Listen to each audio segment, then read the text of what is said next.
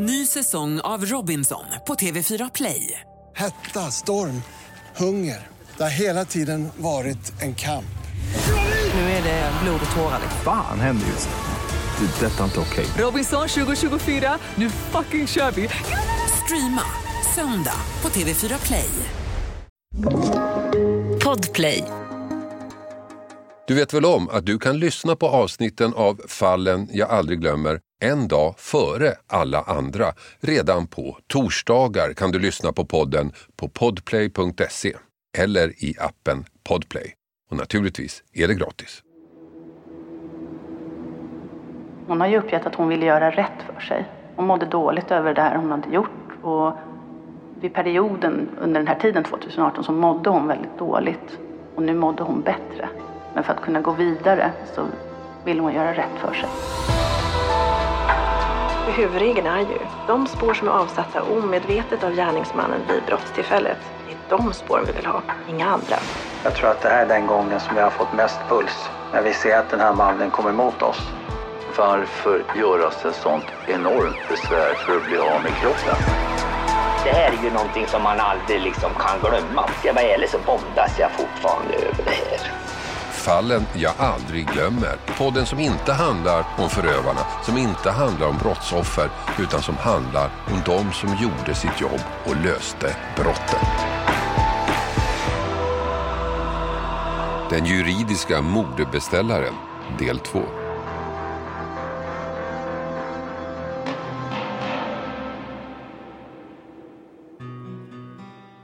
Välkomna till det andra avsnittet av Den juridiska mordbeställaren som handlar om attacken mot advokaten Henrik Olsson Lilja.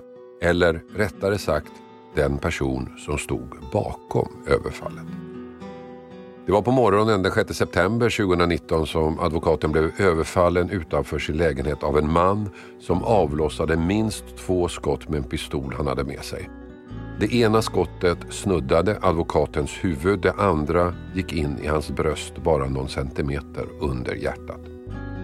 Olsson Lilja lyckades fly från platsen och nere på gatan föll han ihop framför en polis som just passerade och redan där och då berättade han vem han trodde låg bakom attacken. En kvinnlig jurist och domare som han haft en mångårig och personlig konflikt med.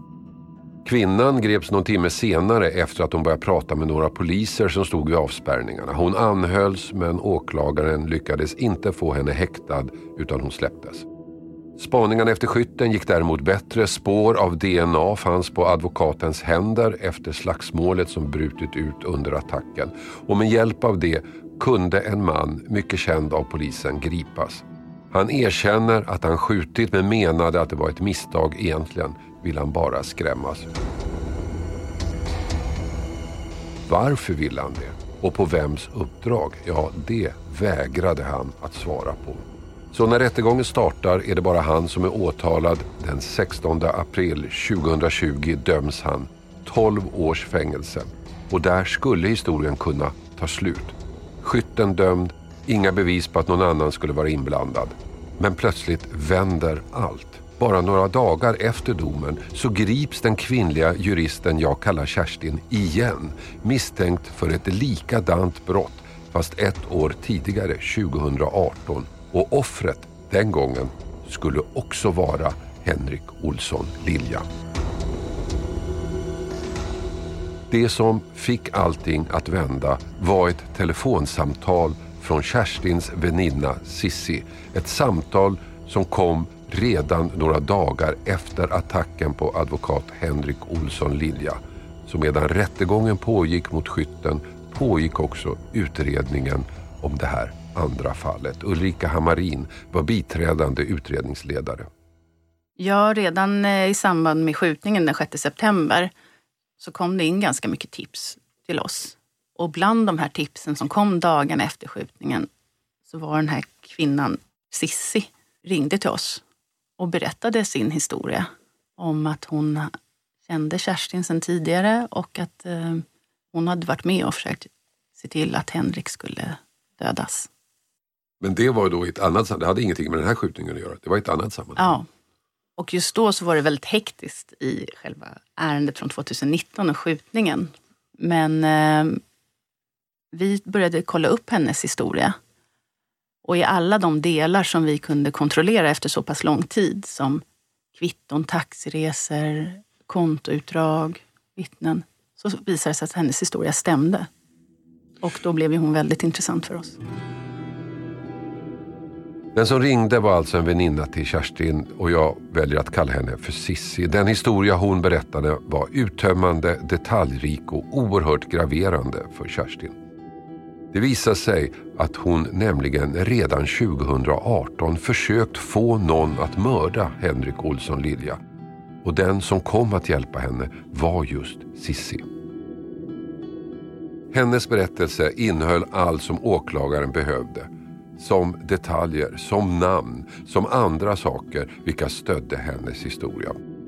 Och det här samtalet kom alltså in till polisen bara några dagar efter skottattacken mot advokaten.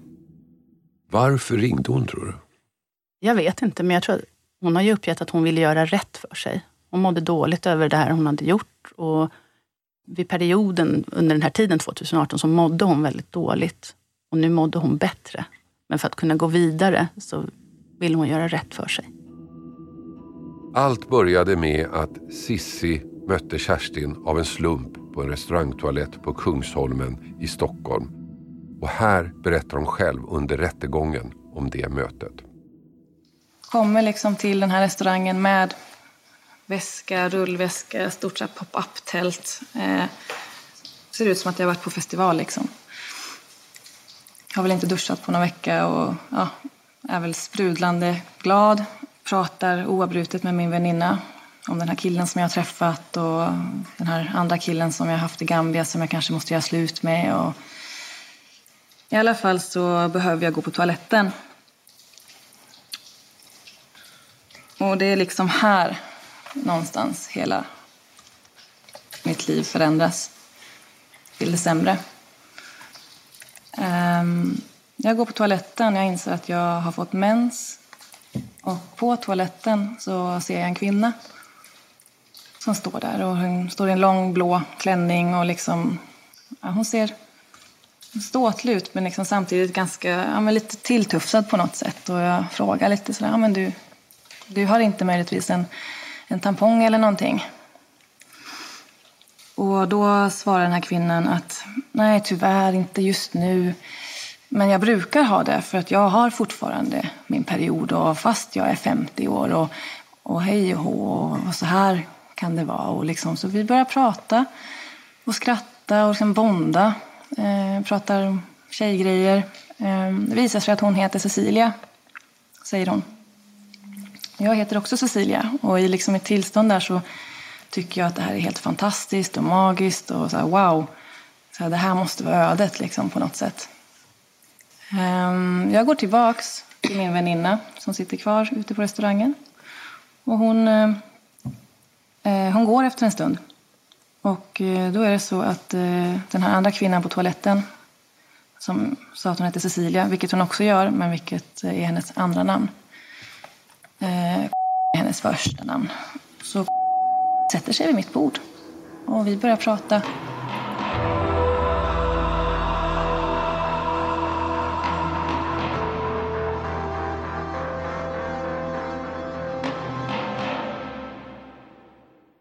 Den här veckan har vi ett betalt samarbete med Tre, ni vet teleoperatören.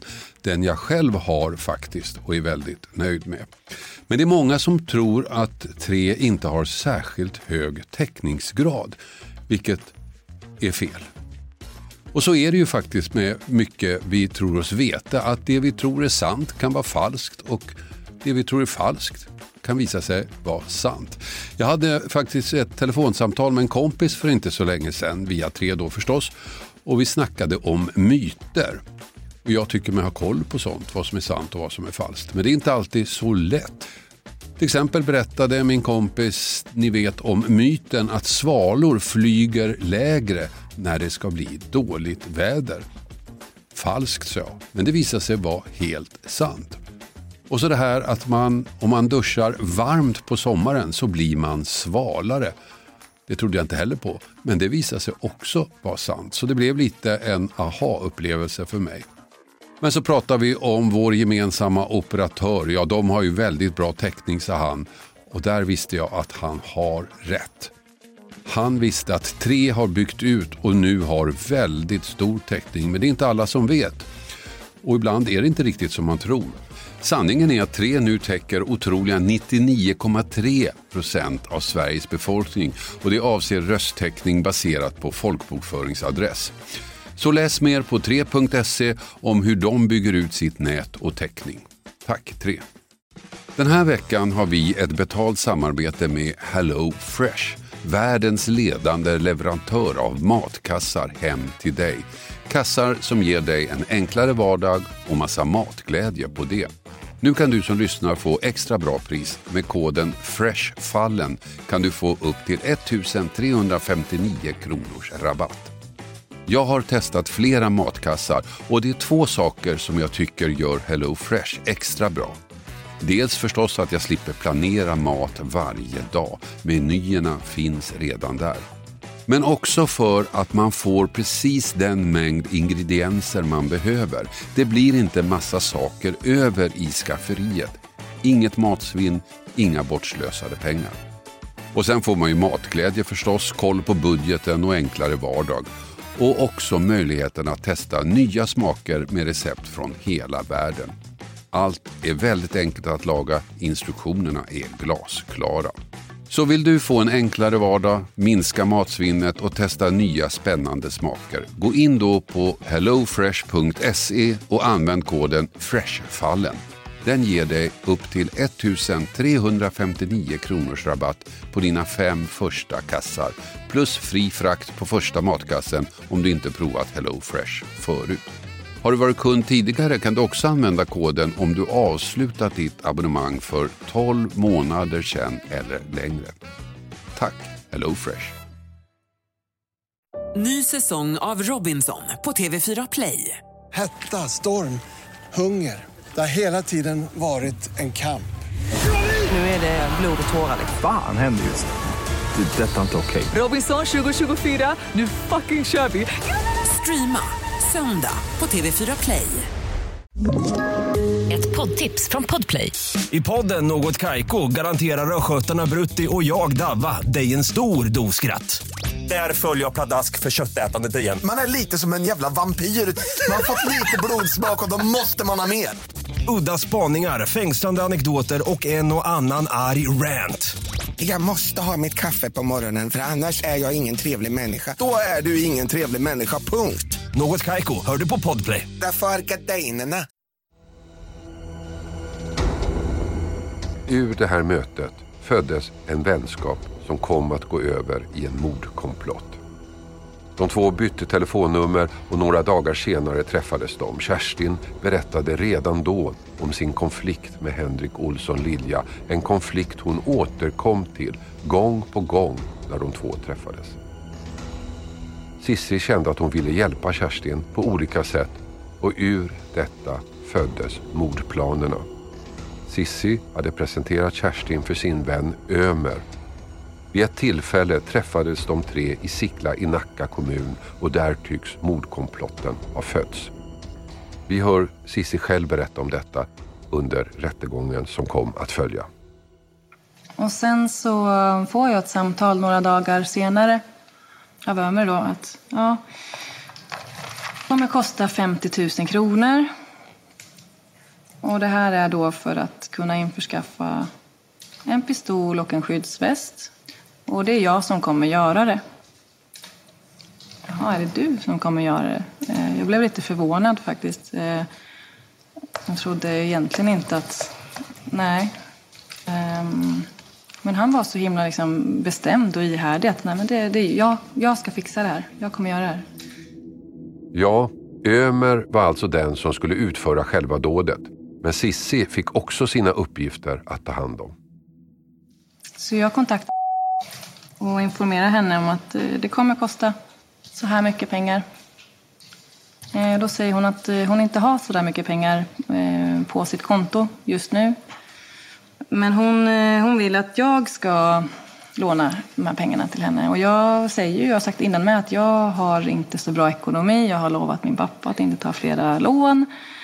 Jag vet inte ens om jag får ta flera lån. Men hon säger att ja, men om du löser det här så lovar jag att du kommer få tillbaka de här 50 000 och du kommer få tillbaka med ränta. Och du behöver inte oroa dig liksom. Så um, jag tar ett lån på 50 000 kronor och eh, möter upp Ömer. Han får mitt kort. Återigen, under de här maniska perioderna, pengar har liksom inget värde egentligen. Och han tar ut 20 000 först, eh, tror jag det är. Och sen så, om jag inte minns helt fel, så behåller han liksom mitt kort. Och han tar ut ytterligare en summa på kvällen och sen så får jag tillbaks mitt kort. Och då ska han alltså beställa vapen och skyddsväst för att utföra det här dådet. Eh, trycker och pushar på att eh, det måste ske så fort som möjligt. Eh, gärna innan eller inom två veckor. För då är det den här förhandlingen som kommer äga rum. Och um, det behövde hända innan det här. Det var viktigt liksom. Och hon eh, sa till mig och jag behövde vidarebefordra det här till Ömer som i sin tur liksom skulle vidarebefordra det till sin kontakt. Men eh, hon, hon sa liksom att jag kan inte stressa på de här killarna. Liksom. Det är inga grabbar man leker med utan det får ta sin tid och det tog sin tid. Men eh, det kommer liksom inga vapen och det kommer inga skyddsvästar. Och, eh, blir frustrerad och irriterad och liksom eh, försöker påskynda den här processen. Men det går inte. Och under den här processen, när det då visar sig att det inte blir några, några vapen så, så försvinner Ömer spårlöst. Nej, inte spårlöst utan han, han, han backar i alla fall. Han, han drar sig ur på något vänster och han... Samuel liksom känner inte tillit för att Ömer ska kunna klara av det här. Så Samuel liksom går in och tar rollen då lite grann som, som ledare. Ömer drog sig ur det hela, men Samuel, hans kompis, var villig att fortsätta. Då började liksom, började det prata om eh, andra lösningar. Och eh, träffar ju då Samuel för första gången. Är då lite berusad vid det tillfället. Ömer backar lite, drar sig undan. Medan liksom eh, sitter på min kökssoffa med Samuel bredvid sig och eh, väldigt tydligt berättar för Samuel. Det här måste ske. Så här behöver det gå till. Kan du klara av det här? Hon behövde försäkra sig om att han inte skulle banga liksom som, som Ömer verkade ha gjort lite. Kerstin ville också försäkra sig om att Sissi förstod hela planen. Hon pratar också om liksom hur det här skulle kunna gå till. Hur man skulle kunna komma undan om man eventuellt blev påkommen. Hur man skulle cykla därifrån, låtsas ha någon barnstol där bak. För hon hade jobbat med något fall där någon hade gjort något liknande och kommit undan. Och liksom instruerade eh, oss i liksom att så här ska ni säga om vi åker fast. Eh, jag kanske kommer bli häktad. Då ska ni säga så här. Hon gav förslag på olika företrädare som kunde vara bra om man skulle åka fast. Eh, prata bara 98 procent sanning. Nu kanske jag pratar lite mer än 98 procent sanning. Och jag vet att det är kanske inte är alla som uppskattar det. Men jag känner att det är det jag behöver göra. För att få fram min version av den här sjuka historien. Vid ett tillfälle skickar Sissi en bild på Olsson Lilja till Samuel. Men det skulle hon inte ha gjort. Kerstin blev vansinnig. Jag visar honom en bild. Eller jag smsar honom kanske en bild lite senare. Um, och blir tokig när hon får reda på att jag har smsat en bild. Tänker du inte med? Alltså, är du dum i huvudet? Tänk om de raderar. Ursäkta, får jag be dig, om du, sätter, om du lutar fram som jag gör så hörs du mycket bättre. Tack. Okej. Ja, i alla fall så skickar jag iväg den här bilden. Och jag får en avhyvling liksom att eh, nu har jag gjort fel. Nu, eh, nu fattar du inte, du är dum i huvudet. Så här, tänk, den här telefonen måste du göra av med. Eh, Gör, gör det, skaffa dig en ny. När ett skjutvapen inte kunde fixas fram så blev det Sissis uppgift att ordna en kniv istället. Jag eh, uppmanas då av att eh, skynda mig att eh, köpa den här kniven innan stängning. En söndag. Jag möter upp i Sickla vid bankomaten. Hon tar ut pengar. Hon har även andra pengar instoppade liksom i plånboken. Och eh, jag får ungefär 2000, 2500 kronor kanske. För det är det vad eh, kniven ska kosta enligt den här hemsidan som Samuel visade mig. Och jag är, I det här så liksom, jag tänker inte. Jag är stressad och jag ska lösa med min dotter och jag måste liksom... Eh, ja, det är liksom mycket runt omkring så att jag, jag blir liksom bara som någon jävla robot som hoppar runt och blir styrd liksom um, uppifrån. Så jag, jag tar en taxi, samma taxi som jag kom i. ehm, men jag har inte pengar och betala den. Utan jag ber att få swisha pengar eh, dagen efter. Eh, jag ber honom skynda sig på. Han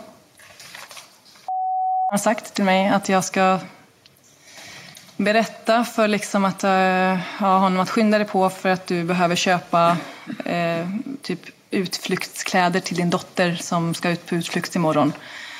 Hon säger att när jag väl kommer till eh, affären att jag ska gå till eh, avdelningen där det säljs jaktknivar, att jag ska utge mig för att vara en tjej som ska hitta en gåva till sin pojkvän som älskar att jaga.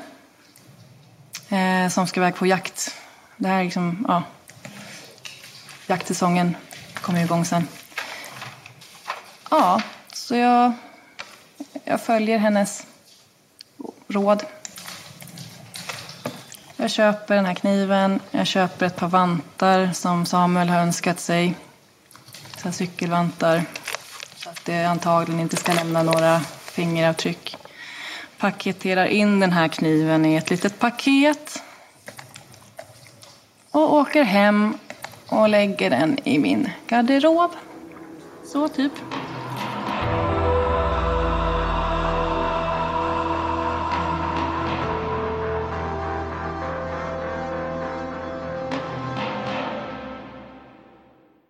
Ny säsong av Robinson på TV4 Play. Hetta, storm, hunger. Det har hela tiden varit en kamp. Nu är det blod och tårar. liksom. Fan händer just nu. Det. Detta är inte okej. Robinson 2024, nu fucking kör vi! Streama söndag på TV4 Play. Ett poddtips från Podplay. I podden Något Kaiko garanterar östgötarna Brutti och jag, Davva, dig en stor dos skratt. Där följer jag pladask för köttätandet igen. Man är lite som en jävla vampyr. Man har fått lite blodsmak och då måste man ha mer. Udda spaningar, fängslande anekdoter och en och annan arg rant. Jag måste ha mitt kaffe på morgonen för annars är jag ingen trevlig människa. Då är du ingen trevlig människa, punkt. Något Kaiko, hör du på Podplay. Därför är gardinerna. Ja, så här lät alltså Sissis berättelse. Den hon berättade för polisen och den som hon sen berättade i domstol. Hela historien nystades upp, från början till slut. Hur Kerstin manipulerat henne att hjälpa till. Hur Sissi i sin tur fixat en 17 år gammal pojke över att utföra dådet och när han backade ur tog en annan 17-åring, Samuel, hans roll i planen. Vi skickade ju ut två förhörsledare som träffade henne. Ulrika Hammarin igen. Och jag vet att det där förhöret var väldigt länge. Och vi var väldigt noga med att berättar hon det här och vi tror att det stämmer, då ska ju hon delges misstanke och ha en advokat. Men det lät ju ganska otroligt först, men det gav ju också styrka till att eh, Kerstin var intressant även i ärendet 2019. Vad var det som gjorde att ni trodde på hennes historia? det var att allt vi kunde kontrollera i hennes historia stämde. Och det var saker som hon inte kunde hitta på, utan det var hårda fakta såsom transaktioner. När hon berättade att hon hade träffat Kerstin på ett visst ställe så kunde vi se att både hon och Kerstin betalade vid kontokort i samma område eller på samma ställe samtidigt. Fanns det anledning då för er att vara misstänksam mot henne? Ja, vi är alltid lite misstänksamma. Det ligger väl i, i vårt jobb och vår natur. Men ju mer saker vi kunde kontrollera upp, desto mer trodde vi ju såklart på henne. Hur kunde hon då bli så manipulerad? Ja, jag vet inte. Det, jag tycker hon har ändå försökt förklara det i rättegången. Hon har ju fått väldigt mycket frågor från försvarsadvokaterna. Det var ju flera som ställde mycket frågor. Men jag tyckte att hon svarade bra på de frågorna. Så bara några dagar efter att skytten Billy dömdes av Stockholms tingsrätt i en rättegång där Kerstins frånvaro liknades som elefanten i rummet ingen talade om så greps hon alltså igen och den här gången hade hon svårt att snacka sig ur situationen. Det var långa och komplicerade förhör. De gjorde ett oerhört arbete, de som höll förhören i, med samtliga i ärendet. Nu var det alltså samma huvudmisstänkta, nämligen Kerstin. Samma typ av brott, men en annan tidpunkt 2018 och nu gick utredningen bättre än första gången. I den här eh, utredningen också så är det två personer till som inblandade, Ömer och Samuel, två unga killar som då skulle vara de som utförde gärningen. Först den ena killen, sen backade han ur och sen den andra killen. Hur hittade ni dem? Det gjorde en person hos oss som eh, sökte i våra system och inre spaning. Han gjorde ett jättebra jobb genom att hitta de här och kunde koppla de här personerna. Vad sa de när ni tog in dem? Ja, det var ju lite skillnad på Ömer och Samuel. Men Ömer och Sissi hade ju en väldigt nära relation tidigare. Eh, och jag vet att eh, Sissi sa ju även under rättegången att hon tyckte väldigt mycket om honom och månade om honom. Han kunde ju också bekräfta mer av, även om han nekade till brott, om situationer de hade varit med om. Samuel var ju lite längre ifrån, men nekade ju också till brott. Men nekade ju till att överhuvudtaget ha träffat Sissi och Kerstin. De gick ju ganska långt i sina förberedelser och sånt. Men vad var det som gjorde att det, att det rann ut i sanden? Jag vet inte eftersom de inte har berättat om det. Men om man ska lyssna på Sissis historia så, så sa ju Samuel till henne att han inte klarade av att göra det. Och Ömer så vet jag faktiskt inte. Nu hade polisen en vattentät utredning och inte nog med att man lyckades nysta upp mordkomplotten från 2018. Som en bonus nästan lyckades polisen också gripa ytterligare en person som var inblandad i attacken 2019. Den som blev av, den som Billy dömdes för. Det visade sig att han inte var ensam, han hade en medhjälpare. Ja, vi kunde ju se att när Kerstin släpptes den 9 september från häktningen så gick hon och köpte sig en telefon och det första samtalet, eller den första personen hon kontaktar är medhjälparen. Då hade vi fått den här DNA-träffen på skytten och då började vi titta på, finns det någon koppling mellan de här? Och det kunde vi ganska fort se, att medhjälparen och skytten hade ganska många gemensamma. De hade bland annat suttit på anstalt ihop vid flertalet tillfällen. Och sen arbetade vi på att knyta dem tillsammans. Vad var er teori då? Vad var hans roll? Ja, att han var en mellanhand mellan Kerstin och skytten. Det var så hon hade kommit i kontakt med, med Billy? Ja. När den nya rättegången började så omfattade den båda gärningarna. Den som ställdes in och den som blev av. För den inställda dömdes Sissi för förberedelse till mord. Hon erkände, straffet blev skyddstillsyn. Ömer dömdes också för förberedelse. Han nekade, straff skyddstillsyn. Samma för Samuel, han nekade också men blev dömd till skyddstillsyn. Och för den andra gärningen, den som blev av, dömdes nu den så kallade medhjälparen till sex års fängelse för medhjälp till försök till mord. Kerstin då? Ja, hon dömdes för båda gärningarna. Dels för att ha försökt förmå Sissi och de andra att mörda advokaten. Dels faktiskt att ha försökt och lyckats få Billy att utföra dådet. 12 års fängelse. som sen blev 15 år i hovrätten. Det var ett väldigt ovanligt ärende som jag aldrig kommer glömma. Det var ju inte de vanliga personerna som vi jobbar mot just i skjutningar och förberedelse till mord. Det är inte ofta vi får folk dömda. Det är väldigt svårt att få folk dömda för anstiftan och stämpling till brott. Och det är jag väldigt stolt över att vi kunde göra i det här ärendet. Och därmed sattes punkt för det som måste vara ett av de märkligaste brotten i svensk kriminalhistoria. Berättelsen om juristen som blev mordbeställare.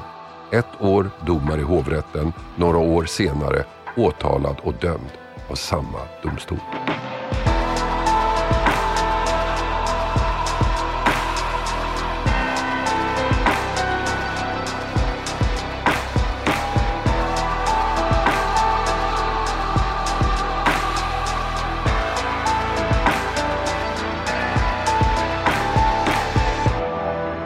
Du har hört podden Fallen jag aldrig glömmer. Klippning David Davva Persson. Och jag heter Hasse Aro.